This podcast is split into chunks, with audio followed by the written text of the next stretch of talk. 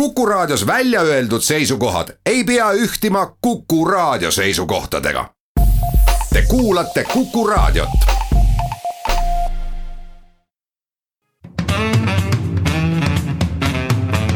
muuli ja Riikoja tere päevast, head kuulajad, kell on seitse ja pool minutit üksteist läbi ja et on reedene päev, siis loomulikult on sellel ajal eetris saade Muuli ja Riikoja ehk Indrek Riikoja ja, ja Kalle Muuli on stuudios. tere päevast. alustame tänast saadet äh, laulu- ja tantsupeo pisikese teemakäsitlusega, tantsupeo teine äh, kontsert, teine etendus on just meie saate eetri ajal algamas. teiseks räägime nädala võib-olla kõige kõmulisemast uudisest, äh, sellest, et Eesti maasikatest, ühe talu maasikatest avastati keelatud aineid, aga Maaleht testis ka, ka Kreeka ja Poola maasikaid ja seal olid olukorrad paremad. räägime ka sellest, et millises ülikoolis siis hobusevargaks õpitakse ja, ja kuidas peaks üks Eesti Vabariigi minister ennast väljendama. ja neljandaks teeme väikse ülevaate Euroopa tippjuhtide kandidaatidest ja eriti sellest, kuidas nad siis Eestile sobivad, ülemkogu leppis nendes siis hiljaaegu kokku. ja saate lõpetuseks haridusministeerium on teatanud, et sellest äh, sügisest sulgeb üle Eesti kokku oma uksed kümme kooli. muuli ja Riikoja. tantsu ja laulupeoga on selline keeruline lugu, et kellele kellele meist see, see, see pidu korda ei läheks. suur osa meist käib seda käib sellest vähemasti kas siis otse või, või tele- või raadioülekande raames ka osa saamas, aga katsu sa sellest midagi rääkida. meie saate, see justkui eeldaks nagu mingisugust probleemipüstitust. jah, meil on siin viimase nädala-kahe jooksul jälle on hakatud arutlema selle üle, et milline ikkagi peaks olema laulupeo repertuaar, kas Alo Mattiiseni viiest Isamaa laulu, viiest isamaalisest laulust. üks peaks olema eetris või üks peaks esitlusse tulema või mitte.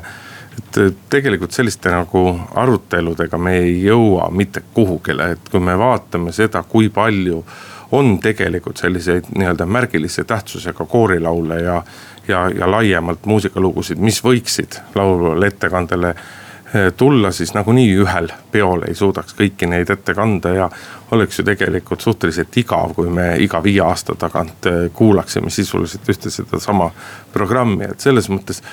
minu põhilisem soovitus oleks ikkagi see, et, eh, et kui vähegi võimalik, minge lauluväljakule kohale, kui mitte laupäeval ja pühapäeval, siis vähemasti pühapäeval. ja tundke sellest peost rõõmu, kuulake neid lugusid ja meil on väga palju silmapaistvaid koorijuhte, dirigente ja keda kõike veel. keegi nendest iga viie aasta tagant saab nii-öelda ka pealavastajaks või, või, või peakorraldajaks ja, ja usaldagem nende inimeste valikuid, sest et ega kui me terviklikult sellesse, sellele kavale otsa vaatame, siis. kava on ju hea, on nii vanu häid tuntud asju, kui ka on päris uusi asju, mis laulupeol esimest korda ettekandele tulevad, et selles mõttes tegemist on väga hea läbilõikega Eesti koorilaulust nii tänapäeval kui minevikus, et tundkem rohkem rõõmu ja virisegem vähem. no tubli, et sa muusikakriitikuks oled hakanud, aga. ei, ma ei ole ju muusikakriitik. aga ma arvan, arvan nagu sinagi, et selles. pigem laulupeo kriitik. selles osas oleme me kõik asjatundjad laulupeo osas. et äh, tahan lihtsalt tervitada nii laulupeolisi kui ka, kui ka publikut ja, ja tantsupeolisi täpselt samamoodi, et. Et eks need ole igavesed teemad ja, ja ongi täiesti loomulik, et äh, inimesed nende üle arutavad, kas neid peaks nüüd hirmsasti võimendama Eh, no veider oleks ka, kui me kasutaks veel siiamaani tuhande kaheksasaja kuuekümne üheksanda aasta repertuaari. Aga, aga mitte midagi imelikku ei ole, kui sealt tõesti mõni, mõni laul ongi siiamaani vastu pidanud ja, ja nii see on. et mida võib-olla küll tänastes oludes võiks ehk vaadata, on see, mis nagu lisaks lauludele ja tantsudele toimub seal peo ümber ma arvan, et, et selle peo korraldamise võib rahulikult jätta nende korraldajate hooleks ja, ja, ja, ja selles mõttes ei ole nagu, nagu sisu mõttes ei ole vast, vast põhjust sellist mingi, mingisugust kohutavat nurinat kellelgi tekitada. eks ikka ühele meeldib üks ja teine teise asi, aga, aga äh, kui, kui vaadata võib-olla seda toitlustuse ja, ja seda materiaalset poolt siis ma arvan, et tegelikult kui riik juba nagunii toetab seda ja kui kultuuriministeerium veab seda üritust. siis edaspidi võiks vaadata ka seda, et noh, lastelt ei hakataks tõesti kommertseesmärkidel. ma ei mõtle, et riik hakkab, aga, aga need eraettevõtjad, kes sinna on siis lubatud kauplema, et, et need hakkaksid siis laste arvelt siis mingisugust paari eurot, lisaeurot teenima, et tegelikult need arbu, arbuusitükikesed võiks üritada riik siis ka lastele ise osta, ma ei mõtle siis nüüd kogu publikut, aga, aga need prooviosalejad ja ja, ja, ja tõesti osavõtjad võiksid siis ka riigi toetusel saada mingisugust noh, lisaks tasuta supile mingisugust sellist muud meelehead, et nad ei peaks seda oma viimase taskuraha eest sealt soetama. et, et noh, see, see. sa tahad nüüd muidugi lastelt poole laulupeol osalemise rõõmust ära ei, võtta, aga, aga olemuslikult on sul selles mõttes nad, õigus. Nad võivad, võivad rõõmu tunda ka viiekümne sendi eest seda arbuusitükki ostes, mitte kolme euro eest ostes. et, et ma arvan, et see rõõmustab neid veel rohkem, siis saavad veel rohkem seda arbuusi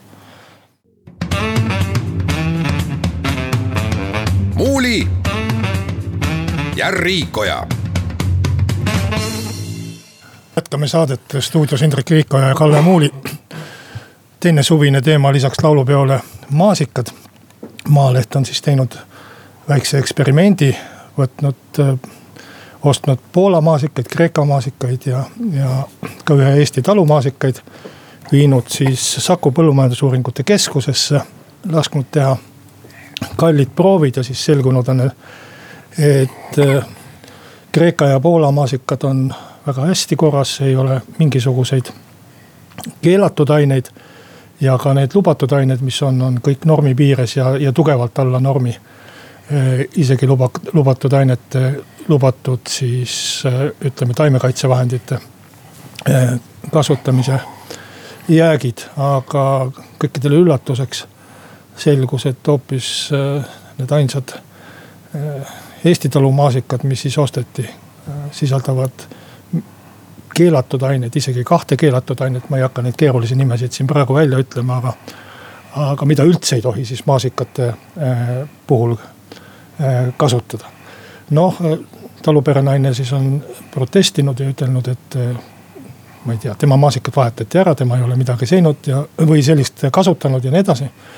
et mine võta kinni, kus see tõde on, aga, aga ma kõigepealt nagu võib-olla küsiksin seda, et kas sina, Indrek, endise põllumajandusministeeriumi äh, töötajana saad aru sellest, kust on tekkinud üldse selline äh, maine või kas, kas on olemas mingit faktilist alust või, või kasvõi mingeid proove või asju. et kust on tekkinud legend või maine, et välismaised maasikad, need on väga mürgised ja sisaldavad keelatud aineid, aga vot Eesti maasikad, need on puhtad ja head. no ma arvan, et see, et see legend on et sellel on kaks põhjust, et, et ühest küljest nii-öelda elavad edasi need ajad, ajad üheksakümnendate algusest, kui. kui ühest küljest tundus justkui, et kõik, mis nii-öelda välismaalt tuli, oli kohutavalt hea, aga kõik me samas teadsime, et noh, see kaunis ütelus, et kui sa tahad säilitusainet. siis võta saksa pakitud keeks, lõika glasuur ümbert ära ja ongi säilitusaine. mis oli ilmselt ka suuresti, suuresti tõsi nagu laias laastus nagu tõsi. ja eks, eks teisest küljest tõsi on ka see, et, et välismaal, kus tööstuslikult kasvatatakse mitte ainult maasikaid, vaid ka puuvilju, juurvilju, kõike muud, seal tõepoolest kasutataksegi erinevaid nii-öelda taimekaitsevahendeid rohkem. kuigi reeglina ikkagi nii-öelda tootmispiir või nii-öelda normi piirides, et. et ega Eestis väga paljusid taimekaitsevahendeid ei kasutata ka sellepärast, et, et mida aasta edasi, seda vähem, aga et me oleme lihtsalt nagu suhteliselt vaesed, et siinsed põllumehed ei jaksa kõike osta, mida võib-olla võiks ja mida nende Lõuna-Euroopa kolleegid natuke ostavad. no ja, ja aga, aga kui ma vaatan ikkagi, et ka loen täpselt neid samu ajaleheuudiseid. et kuskil kaevus helendab vesi sellepärast, et, et keegi kuskil saastab äh, põldu. ehkki vist jälle lubatud normides ja lubatud kaugusel. Aga, aga et siis, siis nagu mul tekib küll kahtlus, et kas tegelikult mingid proovid tänapäevast üldse näitavad sellist asja, et, et välismaalt toodud maasikas on kehvem kui Eesti oma või üldse välismaalt toodud toiduaine? no sa pead meenutama siin mõne nädala tagust aega, kui siin ennem jaanipäeva puhkes skandaal selle üle ühe riigikontrolli auditi puhul, kus riigikontroll tegi, tegi väga selgeid etteheiteid nii-öelda meie toidukontrollisüsteemile, sellele, mida mõõdetakse, kuidas mõõdetakse, kas mõõdetakse ainult Eestist või mõõdetakse ka nii-öelda välismaalt sisse tulevat kaupa. ehk äh, küsitavusi selles äh, toidukontrolli mehhanismis ja loogikas on nagu väga palju, et kui palju tegeletakse seal riskide hindamisega, kui palju minnakse nii-öelda proovi võtma teadlikult, et. et et kui palju on juhuslikkust, kui palju on teadlikku tegevust ja nii edasi. aga kui sa selle, tulla tagasi korra selle maine juurde, see ka kõige suurem nii-öelda nagu see maine tekitaja on see, et kui meil saavad siin maasikad valmis kõige varem jaanipäevast. ja on tõesti sihukesed, on siis tõesti, kui noh, kui ei ole olnud tõesti kohutav suvi, et ainult vihma on sadanud, et siis on tõesti sihukesed mõnusad punased magusad ja, ja tegelikult, kui sa need endale poest koju tood, siis nii-öelda plekiliseks lähevad suhteliselt ruttu. aga välismaalt tulevad maasikad juba noh läbi talve tulevad, aga ütleme massiliselt hakkab tulema kuskil nii-öelda mai keskpaigast. Need on sihukesed äh, tugevad plekiliseks lähevad suhteliselt kaua, aga mis kõige olulisem, maitsevad nagu plastmass, ei ole üleüldse sellised nii-öelda head, mõnusad ja magusad. et, et see, see on see, mis selle nagu tekib, noh tegelikult küsimus on lihtsalt see, kuidas nad on kasvatatud. mis me, mis meetodiga nad on kasvatanud, kui palju nad on saanud nii-öelda päikest ja nii edasi, nii edasi.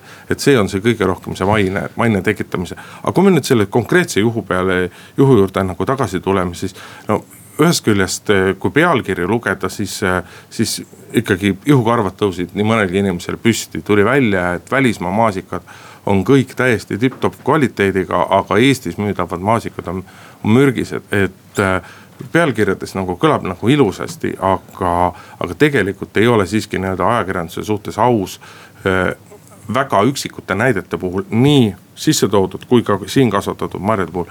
väga üksikute näidete puhul panna tegelikult nii-öelda tempel otsa ette kõikidele, kõikidele Eesti maasikakasvatajatele ja kõikidele Eesti nii-öelda maasika, maasikate sissetoojatele. et äh, see, et me saaks väita, kas äh, et Eesti maasikad on nagu mürgised ja välismaa maasikad on korras. me vajame ikkagi korralikku, me vajame korralikku uuringut selle jaoks, kus me võrdleme omavahel ikkagi suuremat hulka erinevate kohtade toodangu näidiseid ja nii edasi nii edasi, et me ei saa nii-öelda sellist sildistamist teha üksikute näidete põhjal. no umbes sinna ma tahtsin ka jõuda, aga siis ei saa ka sellist üldistust teha välismaa maasikate kohta. ei, absoluutselt, seda ma ütlengi. kusjuures pole teada, siiamaani ei ole ajakirjanduses avaldatud mitte ühtegi proovi või, või, või fakti, et oleks kuskil üldse leitud selline välismaine maasikas, mis oleks olnud äh, mürgine või sisaldanud keelatud ainet, see riigikontrolli eh, dokument, millele sa viitad, see ju ütleb ainult seda ja ütleb tegelikult kõige tõsisema probleemi, et ei kontrollita. Aga no,, aga, aga see, et ei kontrollita, ei tähenda ju veel, et on mürgine või et ta Äh, ei ole mürgine. sest et vähemasti teoorias kõik kaup, mis peaks meile sisse tulema, mis on siis kasvatatud Euroopas või toodud väljaspoolt Euroopat kuhugile riiki ja sealt on jõudnud Eestisse, sest et ega otse Eestisse tuuakse väga vähe, et need peaks kõik vähemasti teoorias vastama neile samadele nõuetele, mis meil kehtivad ja mis kogu Euroopas kehtivad. aga, aga teades Euroopa Liidu toidueeskirju ja põllumajandusreegleid ja looduskaitsereegleid, et ma ei usu, et kuskil väga massiliselt äh, loodust mürgitatakse mingite keemiliste ainetega, mis on keelatud või, või et seda tehtakse rohkem oluliselt kui Eestis. aga, aga mida ma tahan ütelda? oota, ma, oota see... ma ütlen selle mürgitamise kohta sulle vahele, et, et kunagine kolleeg põllumajandusministeeriumist, tema armastas alati tuua nagu seda näidet, et, et väga palju, et noh, et mida see mürgitamine siis nagu tegelikult tähendab, et eh, kui me räägime. et kui me räägime vii-, näiteks teraviljast, et siis on küsimus, et kas pritsida teravilja selle vastu, et ta hallitama läheks. või mitte pritsida, tema tõi alati selle võrdluse, et selle jaoks, et pritsitud teraviljast juhtuks inimese tervisega midagi, peab ta sööma väga lühikese aja jooksul kümneid tonne teravilja.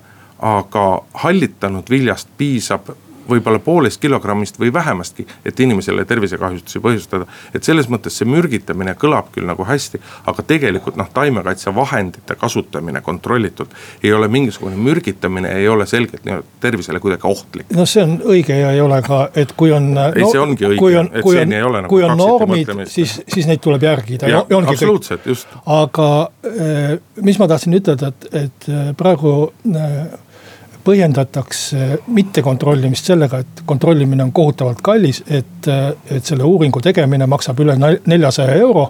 ja see on selline ametlik jutt no kuhu selline jutt kõlbab? ei, mitte kuhugile.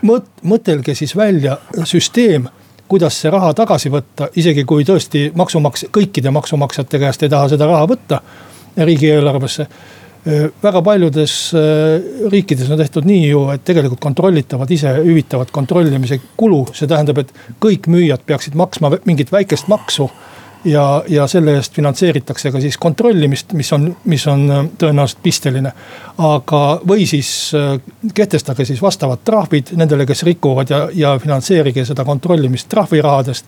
mis iganes äh, ma, ma, süsteem välja mõeldaks, aga see ei saa olla nii, et me ütleme, et kontrollimine või uuringu tegemine on kallis. ja sellepärast me ei uuri oma toiduainete kvaliteeti või, või müüdavat asju, et see on maaeluministeeriumi selge nagu tegemata äh, asi, mis tuleks äh, kiiresti ära teha. Äh, noh, teine asi on see, et ajakirjandus võiks siis avaldada ka vähemalt seniste nende harvade kontrollimiste tulemustest täieliku ülevaate. et kas on siis leitud Eesti maasikatest ja miks, miks ainult maasikad, eks teised toiduained ka. või, või puu- ja köögiviljad ja, ja kus võib seda äh, nii-öelda mürki kasutada või on, kas on leitud välismaistest, et mis see tegelik seis siis on, isegi nende nappide andmete põhjal, et selle, selline ülevaatlik äh, asi võiks olla ka ja mida siis on ette võetud selle, selle kõrvaldamiseks? jah, äh, sul on selles mõttes õige, et aga, aga, aga siin ka sellest teemast nii-öelda kaks asja tuleb lahus hoida, üks asi on see riigikontrolli mõne nädala, mõne nädala tagune audit, äh, kus on tõesti väga palju väga tõsiseltvõetavad etteheiteid ja millest maaeluministeerium peab nagu väga tõsiseid järeldusi tegema.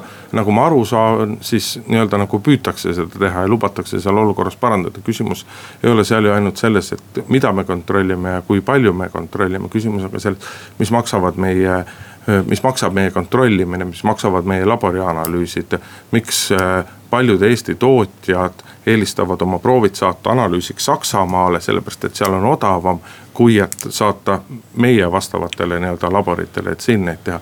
kuni selleni, et kui tõhusalt tehakse meil seiret selle üle, mida inimesed, mida inimesed söövad, kui palju nad söövad, kui palju sellest on importi, kui palju sellest on kohalikku toodangut. et ka kogu oma analüüs üles ehitada nii-öelda nagu sellele, me teame, mida Eesti inimesed tarvitavad ja me tõepoolest kontrollime ka seda, mida Eesti inimesed nii-öelda kõige enam tarvitavad ja nii edasi aga teine asi on nüüd see konkreetne nii-öelda Maalehest alguse saanud ütleme siis maasika kontrollimise lugu, ma ei taha öelda, et mürgista maasikate saaga või midagi sellist, et. et ühest küljest on see tänuväärne, et ajakirjandus võtab nagu sellise initsiatiivi. teisest küljest on kõike muud kui tänuväärne see, kui nii-öelda tegelikult selliste üksiknäidete puhul järgi hakatakse tegema üldistusi, et ega me ju täpselt ei tea ja ega Maaleht ka seda nüüd väga täpselt ei kirjeldanud, et. et näiteks, mida sealt kontrollite, kui sa viid endal kausitäie maasikaid kuhugile laborisse, siis sa võid sealt lasta kontrollida kümneid erinevaid nii-öelda. Nad kontrollisidki nagu, et nad kontrollisid sisuliselt kõike, see on, seal on üle kolmesaja asja, mida nad no, uurivad. et seal on väga, väga paljusid asju. aga, aga mis ma veel ühe lause tahaks ütelda siia lõppu, et kui Maaleht ostis sellest Eesti talumüüja käest maasikaid siis ta küsis ka tšekki, ostutšekki, mis on kohustuslik anda. ja siis selgus, et seda ostutšekki ei anta, vaieldi tükk aega. lõpuks tuli perenaine, andis ostutšeki ja ütles, et siis me peame teie käest käibemaksu võrra rohkem raha küsima. mis tähendab, et keset päist päeva toimub käibemaksupettus ja kui sellist pettust tehakse, siis ma ei usu ka seda juttu, et maasikad olid äh, pritsitud selle või teise asjaga ja, ja muud ei ole tehtud. kui Eesti riigile valetatakse, siis valetatakse ka rahvale täiesti tuimalt. aga kuulame ära pooltunni uudised ja läheme siis saatega edasi. muuli ja Riikoja Läheme saatega edasi, Kalle Muuli ja Indrek Riik on jätkuvalt stuudios ja arutleme nüüd äh, selle üle, et kas siis Eesti kõrgkoolis, eelkõige Tallinna Ülikoolis õpetatakse inimesi hobusevargaks, sõltumata sellest, et mis eriala nimetust nende õppekava kannab või siis tegemist on tõsiseltvõetava, tõsiseltvõetava hariduse ja tõsiseltvõetava ülikooli, et. ma ei see..., ma ei tea ausalt öeldes, Indrek, kas tänapäeva tudengid üldse teavad, mis asi hobune on rääkimata varast. just, hobune, rääkimata siis hobuse. aga noh, alguse see kõik on saanud äh, muidugi järjekordsest siseminister Mart Helme väljaütlemisest, kes teatas, et Tallinna Ülikoolis on viimasel ajal nii nii palju äh, plagiaati, et sealt enam kvaliteetset haridust ei saa ja ja vaata, et tuleks ülikool üldse kinni panna. mina muidugi vaatasin korraks statistikale otsa, et kui palju äh, viimastel aastatel on nii bakalaureuseõppega magistriõppes inimesi lõpetanud Tallinna Ülikoolis ja kui palju siis plagiaadijuhtumeid on avastatud, et äh, tublisti alla ühe protsendi, et äh, kui Mart Helme tahab teha sellise avalduse, siis mõelda, kui palju on EKRE-st viimasel ajal kriminaale välja visatud ja, ja kui vaadata EKRE nii-öelda erakonna liikmete arvule otsa, siis ei tohiks Mart Helme küll pahandada, kui kui tuleb tõdeda, et EKRE tuleks laiali saata, sest et tegemist on lihtsalt krimi-, kriminaalide erakonnaga. et, et sealt nii-öelda kvaliteetseid poliitikuid ei ole selle liikmete seas enam juba ammu ja kõik on puha seadusega paks no,. Nad, nad ju viskasid välja, eks ju, enam ei ole.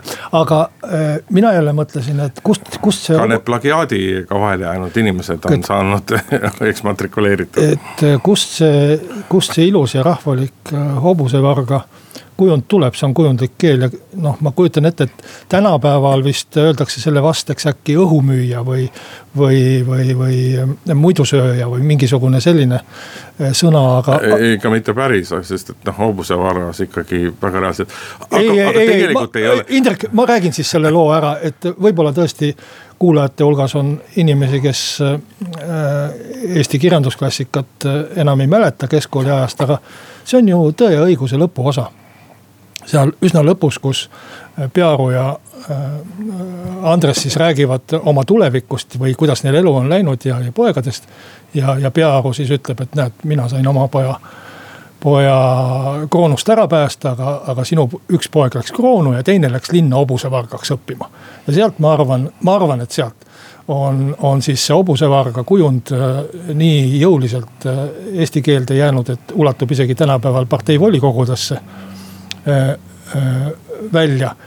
aga kas sa tead, kus kohas Pearu ja Andres seda juttu rääkisid ja millises seisundis? see, see oli kõrtsis. see oli kõrtsis jah. ja, ja, ja, ja Tammsaare kirjutab, et nad olid väga palju õlut selleks ajaks ära joonud, et purju jääda ja sellist juttu üldse rääkida ja tihata rääkida, et, et noh.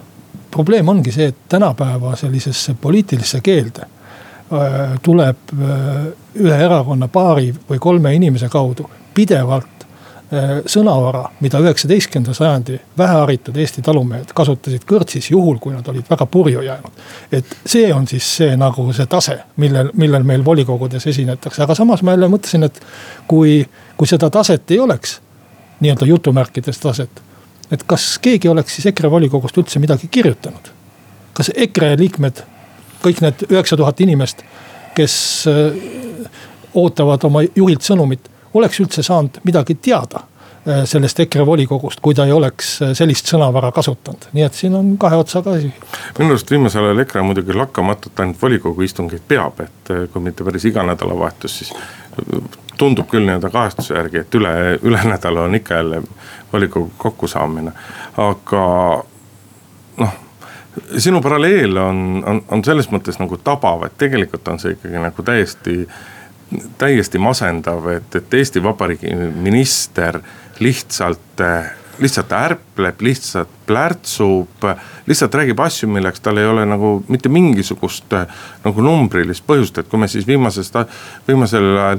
ta, ta justkui viitas nagu kõik plagiaadijuhtumid oleksid pärit Tallinna Ülikoolist, et kui me nüüd vaatame nagu faktidele otsa, siis mis need avalikkuses kõneainet pälvinud plagiaadijuhtumid on olnud, et on Rainer Vakra. Eh, Anastasia Kovalenko ja nüüd siis justkui väidetav Elmar Vaheri plagiaadilugu, mille kohta Elmar Vaher ise esitas Tallinna Ülikoolile avalduse, et palun kontrollige minu töö vastavust akadeemilistele nõuetele. aga kui me mõtleme nüüd siis Vakrele ja Kovalenkole, siis mõlemad küll olid nii-öelda sotsiaaldemokraatlikust erakonnast pärit, aga Rainer Vakra oli Tallinna Ülikoolis, Anastasia Kovalenko äh, lõputöö kaitsmised olid nagu Tartu Ülikoolis, et. et, et lihtsalt üks minister niimoodi nagu plärtsub emotsionaalselt. ma saan aru, et tal see tema valijatele võib meeldida, aga minister võiks suuta natukene suuremas pildis mõelda ja aru saada, mida tema sõnad tähendavad ja mis nagu sobib ja mis ei sobi. et äh, aga, aga, aga võib-olla, võib-olla kõik oli nii nagu tões ja õiguses, et volikogu toimuski kõrtsis ja oli juba kõvasti õlut ka jooksnud. ma ei tahaks siin hakata kuidagi Tallinna Ülikooli ega ühegi teise ülikooli taset hindama. Pole ka suurt pädevust, aga äh, noh eks ta küsitavusi tekitab, minul tekib äh, täpselt samasugune küsimus nagu Mart Helmel, et kui, kui sellised tööd, mis on väidetavalt maha kirjutatud äsja eesti keeles ilmunud teistelt töödelt Eh, lähevad isegi spetsialistide ringis läbi, et mis nende tööde väärtus siis on ja, ja kui tõsiselt neid siis ikkagi hinnatakse. ja, ja selle küsimuse üle võiks täitsa arutada, aga mitte sõnadega hobusevargad no,. et, selle... et, et see on, see on pigem minu meelest ikkagi selline retoorika küsimus. kusjuures selle retoorikaga tapetakse ka asja sisu ära, et ega me pärast seda enam ei saa nagu tõsiselt äh, probleemi üle arutada või selle üle, et kas probleemi üldse on.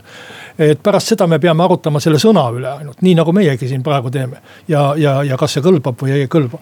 et te, tegelikult sellega probleem tapetakse ära, aga, aga ma väidan nüüd see veel kord, et see, see. mina väidan sulle, et probleemi ei tapeta ära, vaid küsimus ongi selles, et, et Mart Helmel ja, ja temasugustel poliitikutel, neil on kogu aeg tarvis kuskilt üles kiskuda mingisugust jama, sellepärast et kui me vaatame numbritele otsa, vaatame neil, Tallinna neil, Ülikooli. Neil on vaja jama üles kiskuda selle sellepärast. et saaks lärmata et ja nende, saaks. et nende sõnad jõuaksid nende valijateni. ma toon sellise näite sulle eelmisest nädalast veel. Mihhail Kõlvart tahtis ka oma valijatega rääkida ja selleks ütles ta oma valijale, valijatele, et me läksime sellesse koalitsiooni sellepärast, et see on ainus koalitsioon, kus me saame kaitsta venekeelset haridust. ta arvas, et see ei jõua Eesti, Eesti meediasse see on täiesti risti vastuolus sellega, mis koalitsioonis on kokku lepitud. selle, sellega vastuolus, mis on koalitsiooni lepingus kirjas. ja ta ise oli selle koalitsiooni vastu omal ajal, sellepärast et see äh, koalitsioon otsustas eestikeelse, eestikeelsele haridusele Eestis üle minna. et ta rääkis ka oma valijatele seda, mida ta tahtis, aga tema õnn on see, et ja võib-olla ka Eesti riigi õnn on see, et ta räägib seda vene keeles ja enamikust asjadest, mis me, mis ta vene keeles räägib oma vene valijatele. lihtsalt me ei saa teada, et kui Mart Helme oleks rääkinud hiina keeles oma valijatele sellest, võib-olla siis ka see suurde meediasse ei jõudnud. aga, aga paraku peame me kaasa elama sellele et, et ta suhtleb oma valijatega läbi, läbi äh, peavoolumeedia sel viisil et peab ütlema äh, hobusevargad ja, ja siis, siis see jõuab kõigini. aga ma tahtsin selle Tallinna Ülikooli teema juurde tagasi tulla, et minu arust väga selgelt loomulikult võiks nagu rääkida sellest, võib rääkida nii-öelda meie kõrghariduse kvaliteedist, kas meil on mõtet sellele, et kaks suurt ülikooli, üks Tallinnas, üks teine Tartus, väga mitmeid erialasid dubleerivad, õpetavad mõlemad probleem taandub lihtsalt sellele, et Eesti riik on nagu nii väike, et äh, me ei suuda nii-öelda kvaliteetselt, paratamatult oma lihtsalt väheste ressursside tõttu me ei suuda kõike kvaliteetselt äh, mõlemas kohas õpetada. aga kui me nüüd selle plagiaadi juurde tagasi tuleme, siis miks ma väidan, et tegelikult sellist nii-öelda nagu probleemi ei ole. on lihtsalt kirjutatud numbrid, kui me võtame viimased, viimaste aastate numbrid, kui palju Tallinna Ülikoolis on lõpetanud äh, bakalaureuseõppes inimesi, kui palju on lõpetanud magistriõppes inimesi, siis see jääb aastates, viimastel aastatel ühe aasta kohta sihuke tuhande neljasaja, tuhande viiesaja inimese kanti. natukene siiapoole, natukene sinnapoole. ja kui me räägime, et selle juures tuvastatakse nende lõputööde hulgas, tuvastatakse või õigupoolest isegi mitte nende lõputööde hulgas. aga plagiaadijuhtumeid tuvastatakse seal Tallinna Ülikoolis sihuke kümmekond või, või mõni rohkem. ja kõik tuvastatud ei jõua nagu lõpetamiseni, siis tegelikult on see nagu täiesti normaalne normaalne näitaja, see on alla ühe protsendi kõik me eksime, et samamoodi eksitakse ka ülikoolis ja kui see eksimise protsent on alla ühe, siis tegelikku probleemi ei ole. nojah, plagiaat plagiaadiks, plagiaat on äh, varastamine ja, ja, ja selline asi, aga, aga ega, ega siis äh, see, kui ühtegi plagiaadijuhtumit ei ole, ei näita veel, et kõik on. plagiaati ei ole. ei noh, see on üks asi, aga teiseks, et, et õppetase on maru hea või, või, või kõik on maru hästi, et tegelikult kui ikka sisuliselt tahaks va vaatama hakata, siis peaks vaatama neid asju, mis ei ole plagiaadid. ja neid asju võiks vaadata, seda sisulist kvaliteeti võiks vaadata, aga, aga sellega, et siseminister nimetab lihtsalt lambist ühte kooli, ülikooli Eesti kõrgkooli hobuste varas, varaste koolitamise pesaks piltlikult öeldes, see ei olnud täpselt tsitaat. ei aita küll selle kvaliteedi aruteludele mitte kuidagi kaasa. nõus. muuli ja Riikoja. jätkame saadet, räägime Euroopa Liidu teemadel mis ka meid puudutavad, kõigepealt siis äh, viis nime, mille Euroopa Ülemkogu kokku leppis äh, kõrgete ametikohtade täitmise kandidaadiks. David Maria Sassoli on siis Euroopa Parlamendi äh, juht Itaaliast. Ursula von der Leyen, Euroopa Komisjoni president. Saksamaa praegune kaitseminister, kandidaat. Christine Lagarde on siis Euroopa Keskpanga presidendikandidaat Jose Borrell on välisasjade kõrge esindaja, nii on selle ametikoha äh, nimetus, praegune Hispaania välis, välisminister siis. ja Charles Michel, ülemkogu äh, alaline eesistuja, praegune Belgia peaminister, noh. natukene erutust on tekitanud see, et kõik kandidaadid on pärit nii-öelda vanadest riikidest või vähemalt Lääne-Euroopa riikidest. Itaalia, Saksamaa, Prantsusmaa, Hispaania, Belgia. et ei ole ei Põhjamaid, ei Ida-Euroopat noh, samas. no mitte ainult natuke, vaid tegelikult ikkagi päris, päris kõvasti, sest et siiamaani on seda tasakaalu üritatud ikkagi jälgida ja kui me võtame võtame nii-öelda viimased viis aastat, siis Donald, Donald Tusk on küll Poola, mis on nagu väga suur riik, aga siiski selgelt Ida-Euroopa riik, et. Et Donald Tuskil on olnud arvestatav ametikoht, et. Äh, no äh, samas kui, kui me räägime Euroopa Liidust ja kogu aeg arutame selle üle, et küll seal ikka diilitakse ja küll seal ikkagi püütakse kogu aeg mingeid mingeid äh, tasakaale otsida. Et oleks äh, naisi, oleks mehi, oleks musti, oleks valgeid, oleks Ida-Euroopat äh, oleks Lääne-Euroopat, oleks sotsiaaldemokraate, oleks konservatiive ja, ja püütakse kõigest sellest selline pakk kokku panna, mis oleks hästi tala, tasakaalustatud, siis. minu selline noh, lihtne tunnetus on see, et, et tihtipeale just sellesama sellise üleüldise absurdse tasakaalu otsimisega, kus kõik oleks paigas ja kõik oleks esindatud, kaob ära see kõige tähtsam. et kas inimene on üldse oma ametikohale pädev. et kui me praegust koosseisu või seda paketti vaatame, neid viit inimest, siis Donald Tusk on seal tõesti.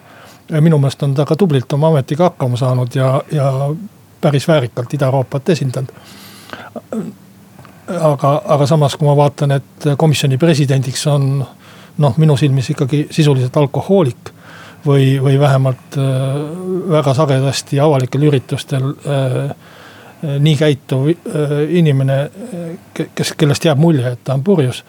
Jean-Claude Juncker, siis, siis, siis ma ei ütleks, et see diilitamine nagu parem oli, mis eelmine kord tehti. et praegust Euroopa Komisjoni presidenti vaadates vähemalt tema nagu mineviku põhjal ja tema suhtumise põhjal Balti riikidesse, ma arvan, et see on väga hea valik. no su jutust küll kõlab kõlab nagu selline alatoon, nagu seekord ei oleks nagu diilitatud, et kui me meenutame, kui mitu päeva istusid Euroopa valitsusjuhid ja, ja riigijuhid. no jaa, aga see muster ei ole koos, see. koos, eks ole, et, et siis see ongi üks kõik suure diilitamise diilitamise küsimus. pigem aga oli see kõva on..., kõvade vaidluste küsimus, et seal. aga see, aga see ongi kõva vaidlus ja suur diilitamine, väga, eks ju väga..., skeemitamine. et vaata, siin küsimus on, küsimus on lihtsalt selles, et Euroopa Liidus on ju kogu aeg, et ühest küljest me küll deklareerime, et kõik kakskümmend kaheksa liikmesriiki on võrdsed, kõik on ühesuguse eh, mõjujõuga, ühesuguse nii-öelda hääletusjõuga. aga praktikas see tegelikult ikkagi niimoodi ei ole, ei ole see ei hääletusprotsessis on seal olemas omad mehhanismid, omad võimalused, kuidas suured riigid suudavad oma ja saavad oma nii-öelda tahtmise ikkagi lihtsalt, selgelt lihtsamalt läbi suruda. et mitte nii-öelda ühe häälena kahekümne kaheksast, vaid nii-öelda märksa suurema osakaaluga. et, et küsimus on lihtsalt nii-öelda nagu märgis ja Euroopa Liit on üks suur märkide keel nii oma regulatsioonide oma elukorralduse, valitsemise ülesehituse kui kõige pool, kõige muu poolest, ta on üks suur märkide keel. ja see, et ei ole ei Ida-Euroopast ega Põhja-Euroopast nii-öelda, mis, mis ikkagi nii-öelda liikmesriikide arvult moodustab olulise osa Euroopa Liidust. ei ole nagu mingisugust esindatust saanud, see on halb ja kui me vaatame nüüd kitsalt Eesti, Eesti Eesti enda seisukohta, siis noh, mis teoreetiliselt veel nii-öelda oleks meil, meie võimalused, et äh, Euroopa Parlamendi asepresidentide valimised, Euroopa Parlamendis mingisuguste komisjonide juhi kohad, kumbagi meile ei paista. ja siis on nii-öelda Euroopa Komisjonis meie, meie roll, et senises Euroopa Komisjonis on Ida-Euroopa päralt olnud kaks asepresidendi kohta, kas neljast või viiest, vot nüüd kui täpselt ütlen, siis, ütlen siis eksin, aga kui me vaatame ka Kadri Simsonit, kes on meie järgmine nii-öelda volinikukandidaat, siis Kadri Simson on iseenesest väga, väga tubli, kindlasti väga võimekas inimene. aga tema CV ei ole lihtsalt selline, et tal oleks nii-öelda väga vastutusrikast kohta Euroopa Komisjonis loota praeguse seisuga, aga me loomulikult ei tea, mis juhtuma hakkab, sest et võib-olla kõik muu, mis välja pakutakse, kõik teised riigid, teistest riikidest tulevad kandidaadid on võib-olla veel nii-öelda tagasihoidlikuma CV-ga, aga et, et meie häält reaalselt eh, Euroopa Liidu tipptasemel ei ole kuulda ja see on, on kahtlemata negatiivne. ma arvan, et kui eh, Georgiev, kes oli üks, üks esimesi kandidaate Euroopa Ülemkogu kogu alalise eesistuja kohale, bulgaarlanna oleks selle koha saanud, ma arvan, et Eesti ei oleks sellest mitte midagi võitnud ega mitte midagi õnnelikumaks saanud. et seal üks bulgaarlanna oleks istunud, ma arvan, et see valik, mis on tehtud praegu Euroopa Komisjoni äh, presidendi osas. kõige tähtsam ametikoht, et see on Eestile väga hea valik, sest Ursula von der Leyen on väga Balti sõbralik olnud nii sõnas kui teos. Äh, Saksa väed on Baltikumis. Äh, äh, Saksa lennukid on teinud õhuturbemissioone ja, ja selles osas ma arvan, et Eesti vähemalt sellest valikust kõvasti võitis. eriti kui, eriti kui arvestada, et peakandidaat kõigepealt oli Timmermans, sotsiaaldemokraat. ja sellepärast nüüd kõik sotsid õudselt üürgavad, et Leion on halb ja Leion on halb Eestile on see väga suur ja Ida-Euroopale tervikuna on Leyen, ma arvan, päris, päris suur võit noh, teised kandidaadid. see võib nii kandidaadid. olla, aga see ei pruugi nii olla, sest et sa ei tohi unustada, et Euroopa Komisjon tegutseb eelkõige nüüd Euroopa huve. mitte üksikute liikmesriikide huve silmas pidada, et ega me ei tea jah. võrreldes Junckeriga, võrreldes Timmermansiga, võrreldes mitmete muude variantidega, kes seal oleks võinud laual olla. on valik ikkagi väga hea Muuli ja Riikoja. Saate lõpuks räägime ruttu, paar minutit on meil aega jäänud. haridusministeerium on kokku löönud ja saanud teada, et sellel sügisel üle Eesti sulgeb oma uksed kokku kümme eraldiseisvat kooli on nii-öelda liitumisi, kus pannakse mitmed erinevad koolid kokku, on ka väiksemate koolide sulgemisi ja ühest küljest see kümme nii-öelda arvulisena võib küll mõjuda hirmutavama, hirmutavalt, aga ega otse, otseselt suletavaid on kuus, et ülejäänud on seal ümber, ümberkorraldamist. Noh, just noh, ma räägingi, eks ole, liitumised ja asjad, et, et eks see, eks see on paratamatus, et see haridusmaastik tuleb nagu korraldada. minu arust kõigi nende muudatuste jooksul, juures siiski tuleb alati nii-öelda selle silmas ja meeles pidada seda, et just kui me räägime nagu väiksematest kohtadest et ei halveneks koolihariduse kättesaadavus äh, lastele, aga tundub, et praegusel hetkel nende sulgemistega on see nagu enam-vähem ka tagatud. minu meelest midagi traagilist ei ole, see noh arv on, on üsna selline keskmine arv, mis on kogu aeg olnud ja, ja eks me seda protsessi, arenguks ei tahaks seda nimetada, aga eks me seda protsessi kõik ju teame, et inimesed kolivad ära ja kui pole lapsi, siis ei saa ka kooli ainult õpetajate pärast hakata pidama ja, ja, ja seda teed see läheb. et ka ütleme riigi suured plaanid siin asutuste väljaviimisega. ega sellega väga palju ei päästa, et, et töökohad küll tekivad väljapoole Tallinnat sellega, aga tegelikult inimesed jäävad ikka elama Tallinnasse, et käivad, sõidavad siit oma töökohta või teevad tööd oma elukohast väljaspool püsitöökohta, nii et eks see, eks see protsess ole ikkagi ühesuunaline, nii kuidas me ka ei pingutaks mingis teises, teise, teise suunda seda pöörata. Siinkohal tõmbame tänase saate otsad kokku, Kalle Muuli, Hindrek Riik olid stuudios, suur tänu kuulamast, minge nädalavahetusel laulupeole või vaadake seda telekast, kuulake seda raadiost ja meie kohtume jälle järgmisel nädalal. muuli ja Riikoja